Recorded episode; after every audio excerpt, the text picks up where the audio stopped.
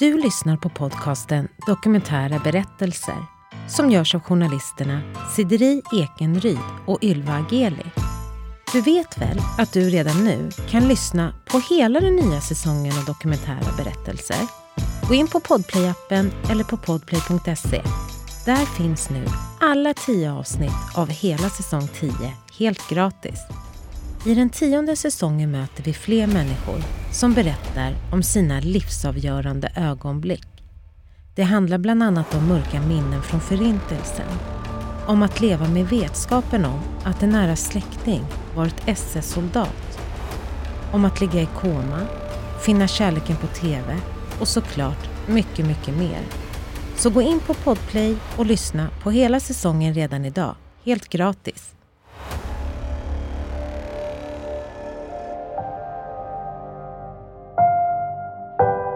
Plötsligt hörde vi från trapphuset en röst som ropade De har kommit till vårt hus för att hämta en judisk familj.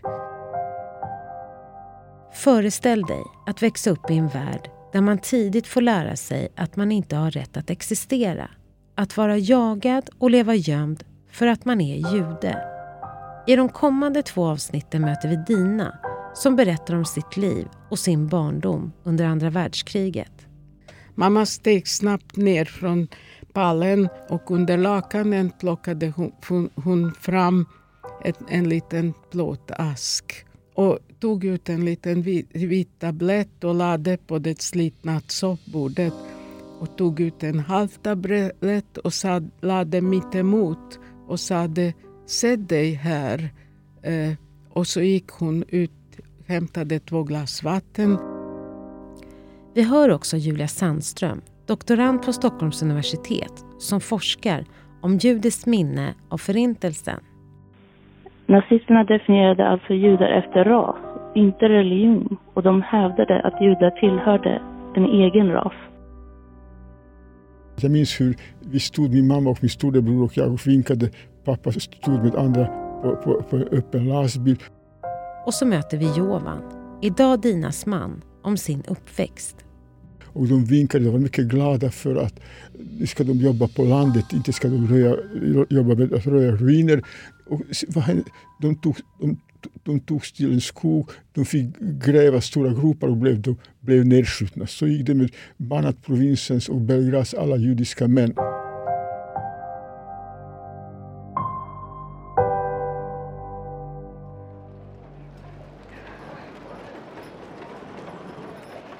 Jag är född 1938 och det var samma år när det var kristallnatten i Tyskland vilket räknas som början av förintelsen av Europas judar.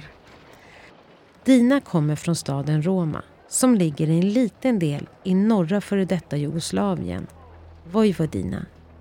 Det är den 12 april 1941 som nazisttyskarna ockuperar staden. Hon är knappt tre år gammal då. Och eh, nu när eh, kriget kom till vår hemstad, min pappa blev direkt eh, tagen till tysk krigsfångenskap. Han var reservofficer. Och mamma, farföräldrarna och jag vi stannade kvar i Roma. Roma var också multinationell stad. Där bodde alla möjliga minoriteter, även tyskar och judar. Och det kändes ingenting för innan tyskar kom.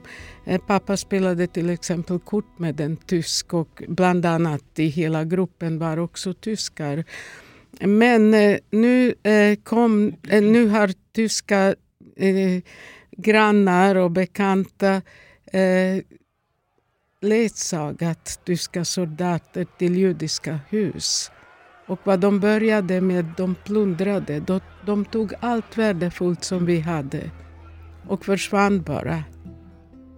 Hennes stora släkt är utspridd över Kroatien, Slovenien, Österrike och Ungern.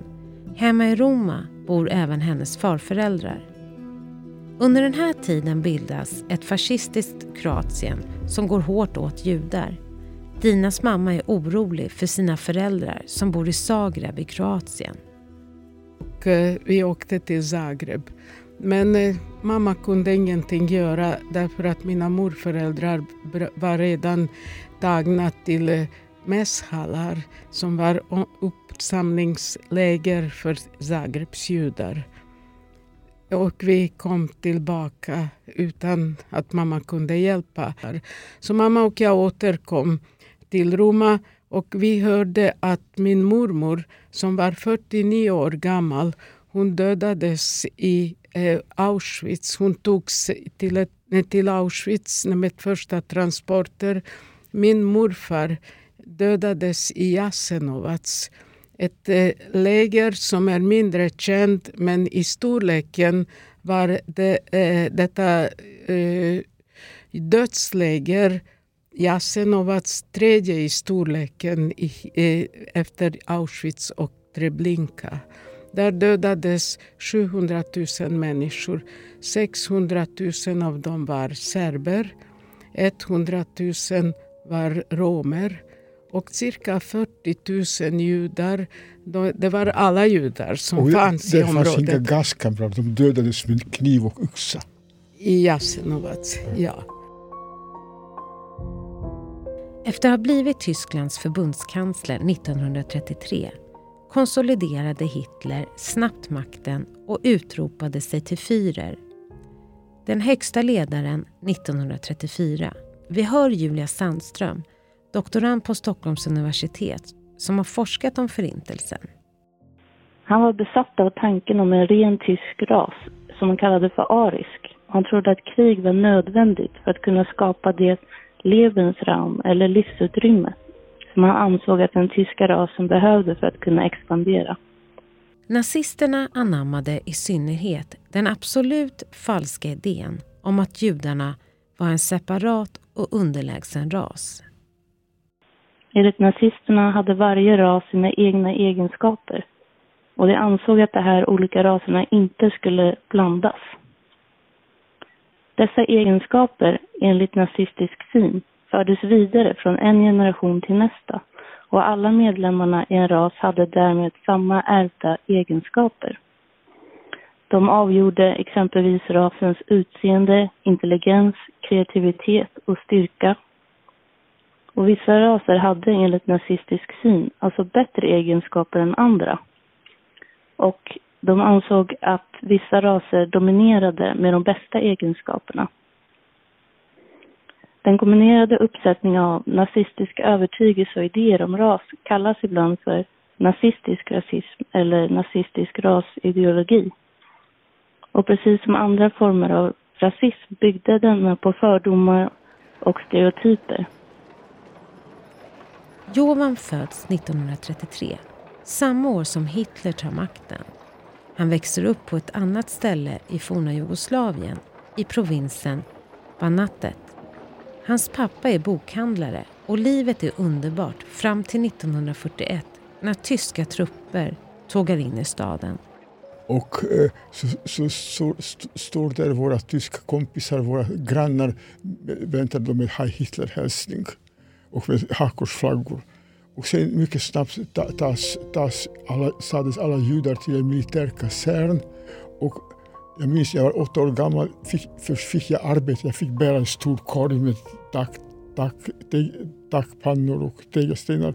Och efter några dagar sa att barnen behöver inte arbeta. Vi var där i fyra månader i det här lägret, Banat-provinsens alla judar.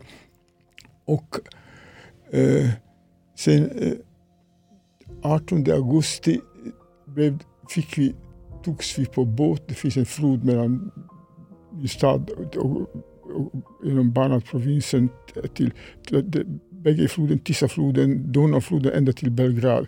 Och vi, tog, vi togs eh, med båten till Belgrad. Jag minns hur en man hoppade ner från båt, båten, ville fly och eh, stod tyska soldater och sköt honom. Han, han bara försvann.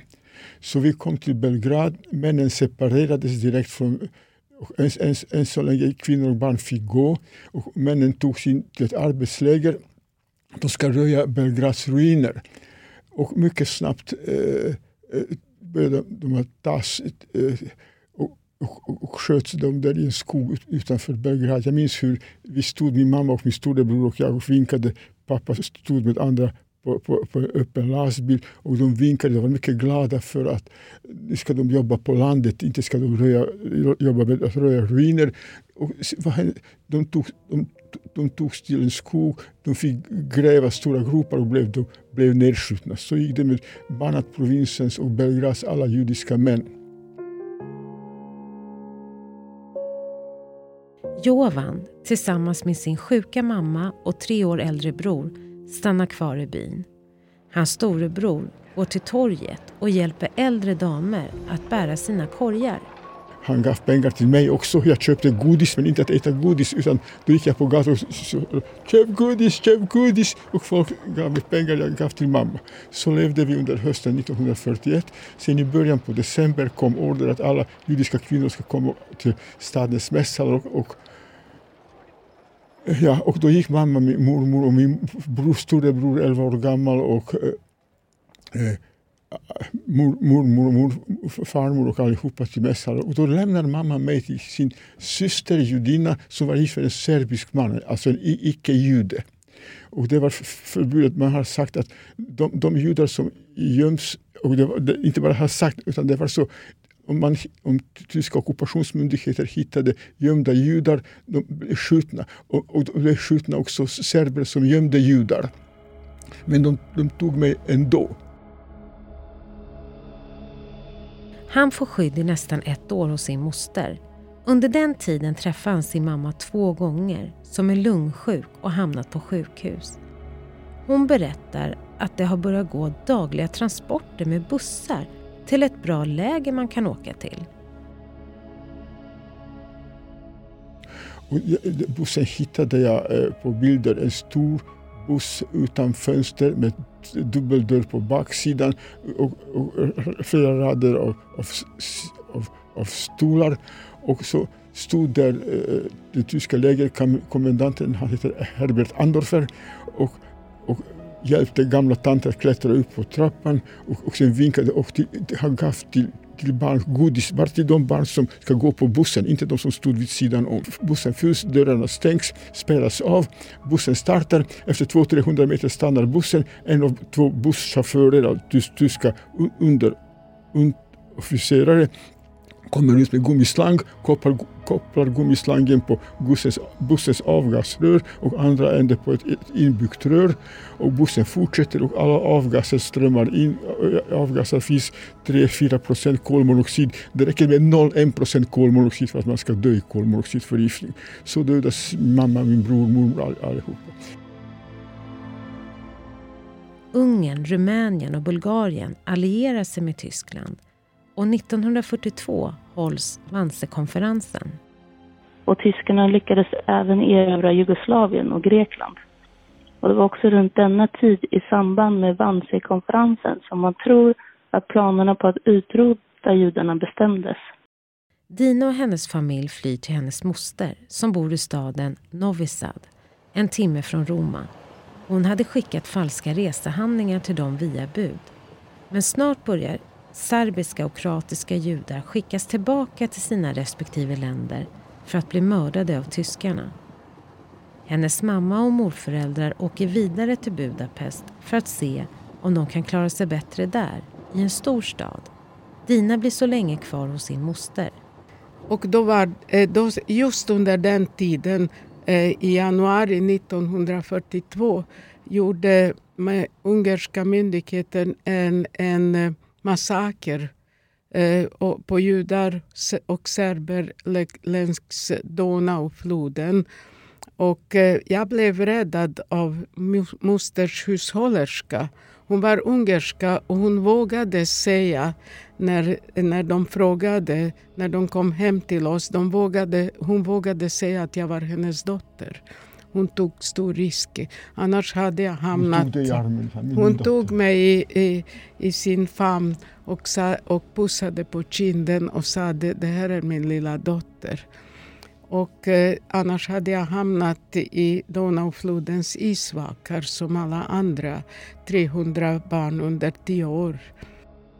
Drygt 60 år senare ska ett monument invigas vid den platsen det är 60 par skor tillverkade i järn som står längs strandkanten.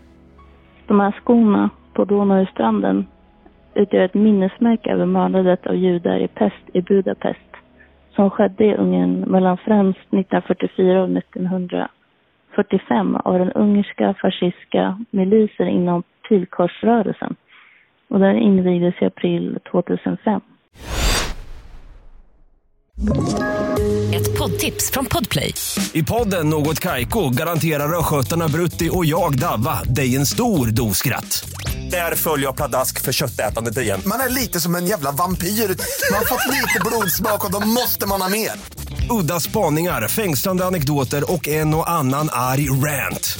Jag måste ha mitt kaffe på morgonen för annars är jag ingen trevlig människa. Då är du ingen trevlig människa, punkt. Något Kaiko, hör du på Podplay. Därför är gardinerna. Hon ansluter till slut till sin mamma i Budapest där hennes mamma hyrt ett rum. Det är litet, smutsigt och slitet.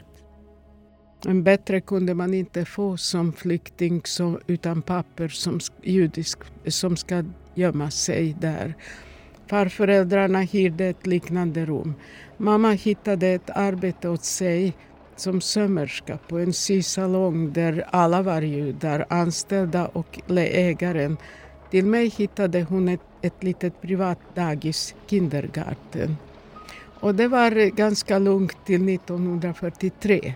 Men år 1943, när jag var fem år gammal, då började eh, judar eh, eh, judiska papperslösa flyktingar som gömde sig i Budapest och som var från olika europeiska länder från Tjeckoslovakien, Österrike, eh, Tyskland, de Serbien, Kroatien. De började skickas till Ukraina och dödas där. Men mamma hittade en judisk advokat som tillverkade falska, ID, eh, falska handlingar, ID-handlingar.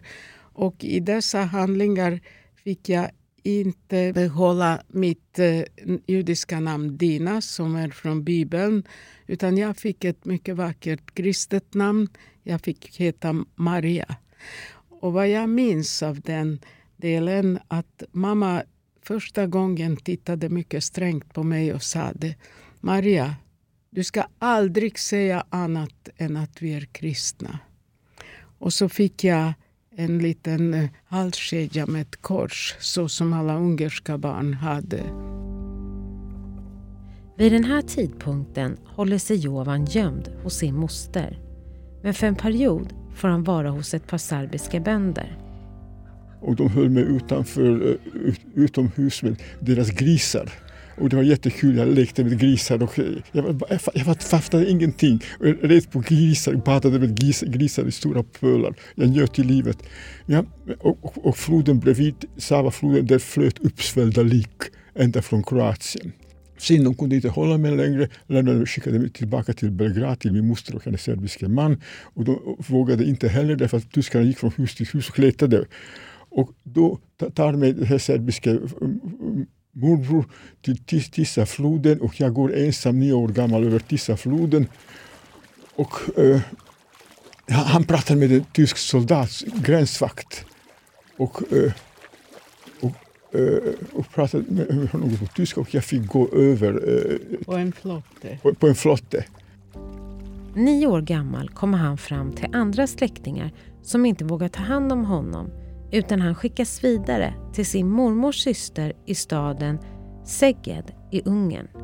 Hon var gift med en jude som var advokat.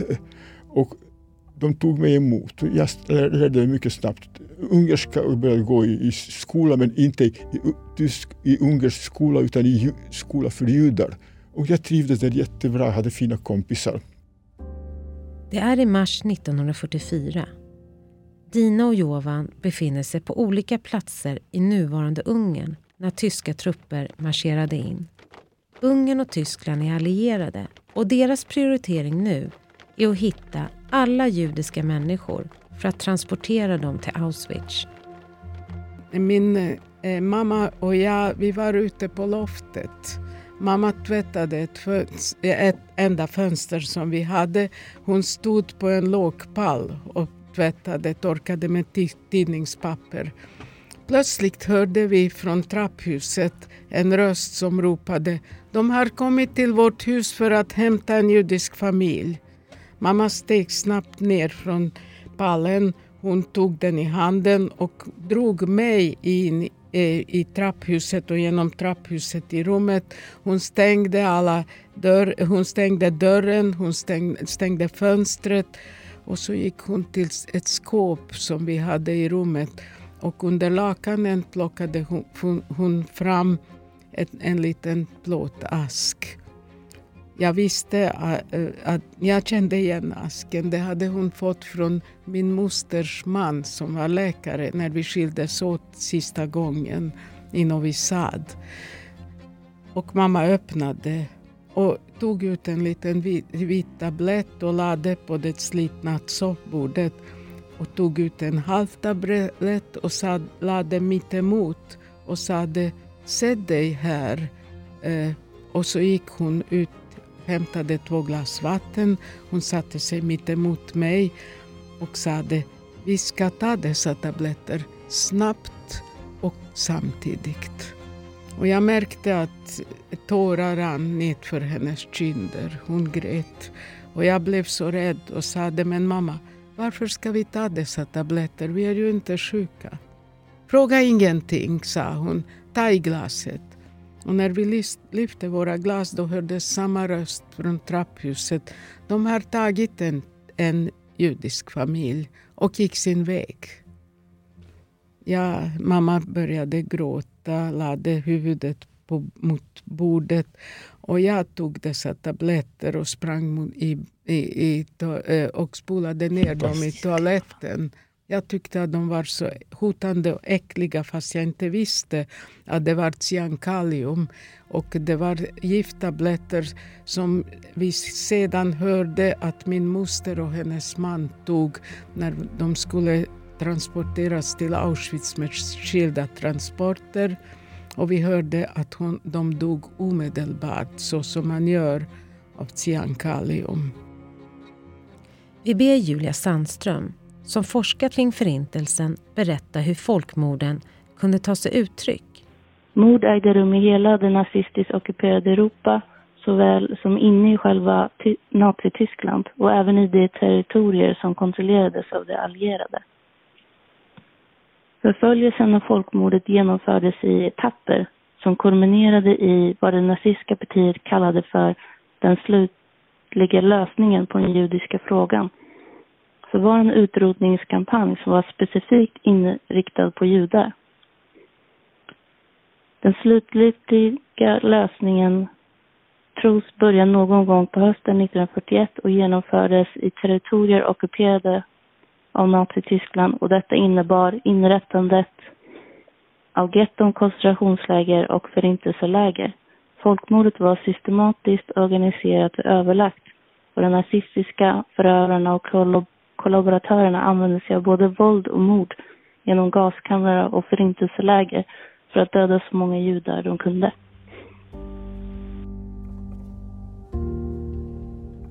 De tyska trupperna tar Jovan och andra judar till getton. Han får dela rum med 10 till 15 andra personer. Men sedan sätts de på ett tåg mot Auschwitz. Vårt tåg när det var på väg till Auschwitz stoppades av slovakiska partisaner genom Slovakien. Eh, De sprängde järnvägen så togs vi tillbaka till Österrike, till, till ett tegelbruk i staden Haag och där var jag 11 år gammal eh, slavarbetare eh, i ett tegelbruk. Och det var jättekul. Jag, jag, var, jag fattade ingenting, 11 år gammal. Det var trevliga människor med mig. Det var ryska krigsfångar, ukrainska krigsfångar. Och, och jag jobbade och larvade. Och det var jättefint. Men sen när, när marken frös, man kunde inte längre gräva och, och göra Eh, av, av, av eh, tillverka steg, tegel, sten och takpannor. Då togs vi eh, judar därifrån till ett annat läger, Strasshof, och från Strasshof till, till norra Tyskland, till Bergen-Belsen. Han är i Bergen-Belsen i fyra månader. I början går tillvaron att genomlida, men maten blir sämre och sämre och fångarna tappar allt mer i vikt. Jag minns hur jag fick diarré Och så, det var så att jag låg med diarré som ett litet barns skelett helt passivt och bajsade på mig överallt och låg där.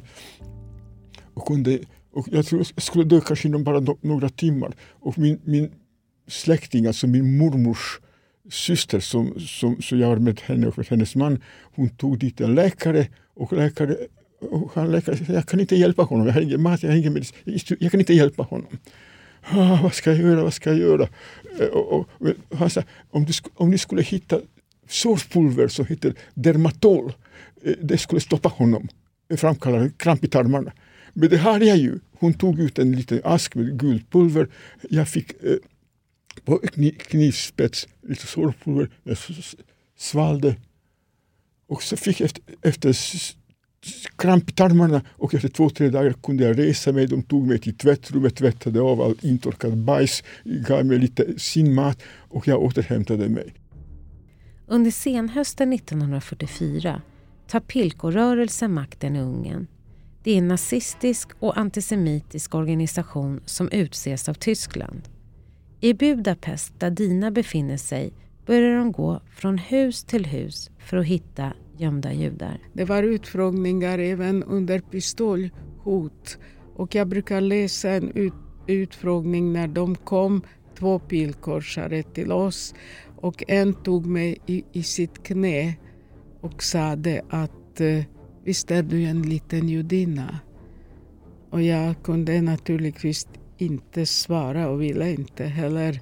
Eh, och han eh, sade säg till farbrorn eh, att du är judinna så kan vi åka till Donaufloden och, och, och åka skridskor. Och där, det menade han att de gjorde exakt samma som eh, under razzian, under den här eh, eh rat, så kallade razzian i Novi Sad. De sköt ner judar i Donauflodens isvakar. Han menade det. Jag svarade inte. Jag tittade på mamma och mamma var, höll bara munnen stängd. Och, och eh, var väl, jag märkte att hon var väldigt rädd. Och då skrek de på mig. Titta inte på... Eh, mamma tittade på mig. Titta inte på flickan. Och så sen eh, hoppade en av dem högt eh, eh, eh, och eh, han som höll mig i knäna slängde ner mig från knät, hoppade och gav mamma en örfil och eh, sade erkänn att ni är judar. Och mamma, sa, eh, mamma bara sa att vi är inte judar och hennes röst darrade. Han, han skrek stinkande judar, det syns på er att ni är judar. Men mamma sa ingenting och då tog han fram sin pistol och sa erkänn när skjuter jag. Och han avlossade ett skott som gick mycket nära hennes öra så jag bara såg i väggen kulhål. Eh, men eh, mamma sa det, eh, och sen vände han sig till mig och sa visst är ni judar? Och jag sa nej, vi är inte judar.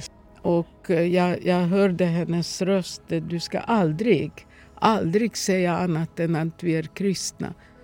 Jag sa nej, det är vi inte. Och så gick de.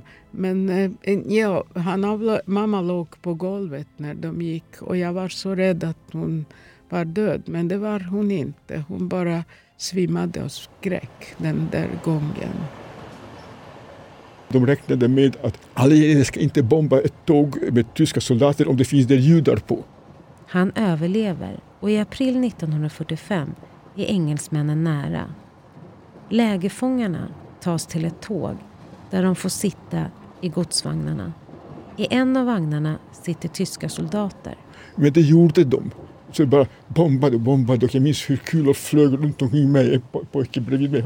Han träffades mitt i ansiktet och eh, eh, jag, jag, träffades inte. Och eh, eh en dag dödades 56 judar där, eh, av, av allierades flyg, flygattacker. Sen tog vi till lägret Theresienstadt i, i ett, ett av de sista länderna som tyskarna höll ockuperat. Och från Theresienstadt brukade man no, normalt ta judar till Auschwitz och gasas ihjäl. Men nu var Auschwitz var redan 27 januari befriat av, av ryssar. Så varje dag togs, togs eh, judar från Theresienstadt i skogen och sköts ner. Och det som jag tycker är det för, för, obegripligt är att Hitler han tog sitt liv 30 april 1945. Berlin intogs av ryssar an, an, andra, andra maj och de fortsatte tyska soldater att ta judar till skogen tömde delar av eh, kaserner vid var, varje och vår, vår, vår tur att det ska tömmas och vi ska tas till skogen var 8 maj 1945. Och 8 maj 1945 så istället för tyska soldater står det ryska, ryska soldater. Också Ungern befrias av ryssar i början av 1945. Efter ett par månader tar sig Dina och hennes familj tillbaka till Novi Sad. Där är hennes pappa kvar i livet. Han har flytt från fångenskapen. Så jag är lycklig lottad jag hade båda mina föräldrar i livet och min, en morbror överlevde. Alla andra i min stora familj var dödade i Förintelsen. Av 249 judar i min hemstad Roma överlevde 19. Jag var yngst. Hade du några syskon? Jag, jag hade inte då. Men när mamma och pappa träffades Nästan prick nio månader efteråt så föddes min syster. Du har lyssnat på den första delen av Dinas och Jovans berättelse. I nästa avsnitt får vi höra om hur det gick till när de faktiskt fann varandra och slutligen kom till Sverige. Och så ser jag att det går en pojke ensam. Han var inte på gott humör tyckte jag. Men jag märkte att han var väldigt, väldigt snygg. Ja, det finns en, men hon, är, hon eh, vad heter hon? Hon heter Dina, men hon, hon har sin kille. Men Dina var igår hos mig och sa att hon sparkade den här killen. Glöm inte att alla avsnitt av säsong 10 finns ute redan nu på podplay.se eller i Podplay-appen. Och vill du komma i kontakt med oss som gör den här podden och dela med dig av din historia, mejla då oss till kunskapsstudion gmail.com.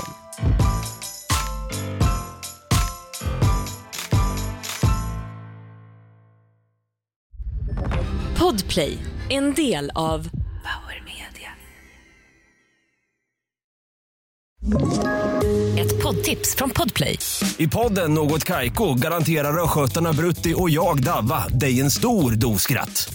Där följer jag pladask för köttätandet igen. Man är lite som en jävla vampyr. Man har fått lite blodsmak och då måste man ha mer. Udda spaningar, fängslande anekdoter och en och annan arg rant. Jag måste ha mitt kaffe på morgonen för annars är jag ingen trevlig människa. Då är du ingen trevlig människa, punkt. Något Kaiko, hör du på Podplay. Därför är gardinerna.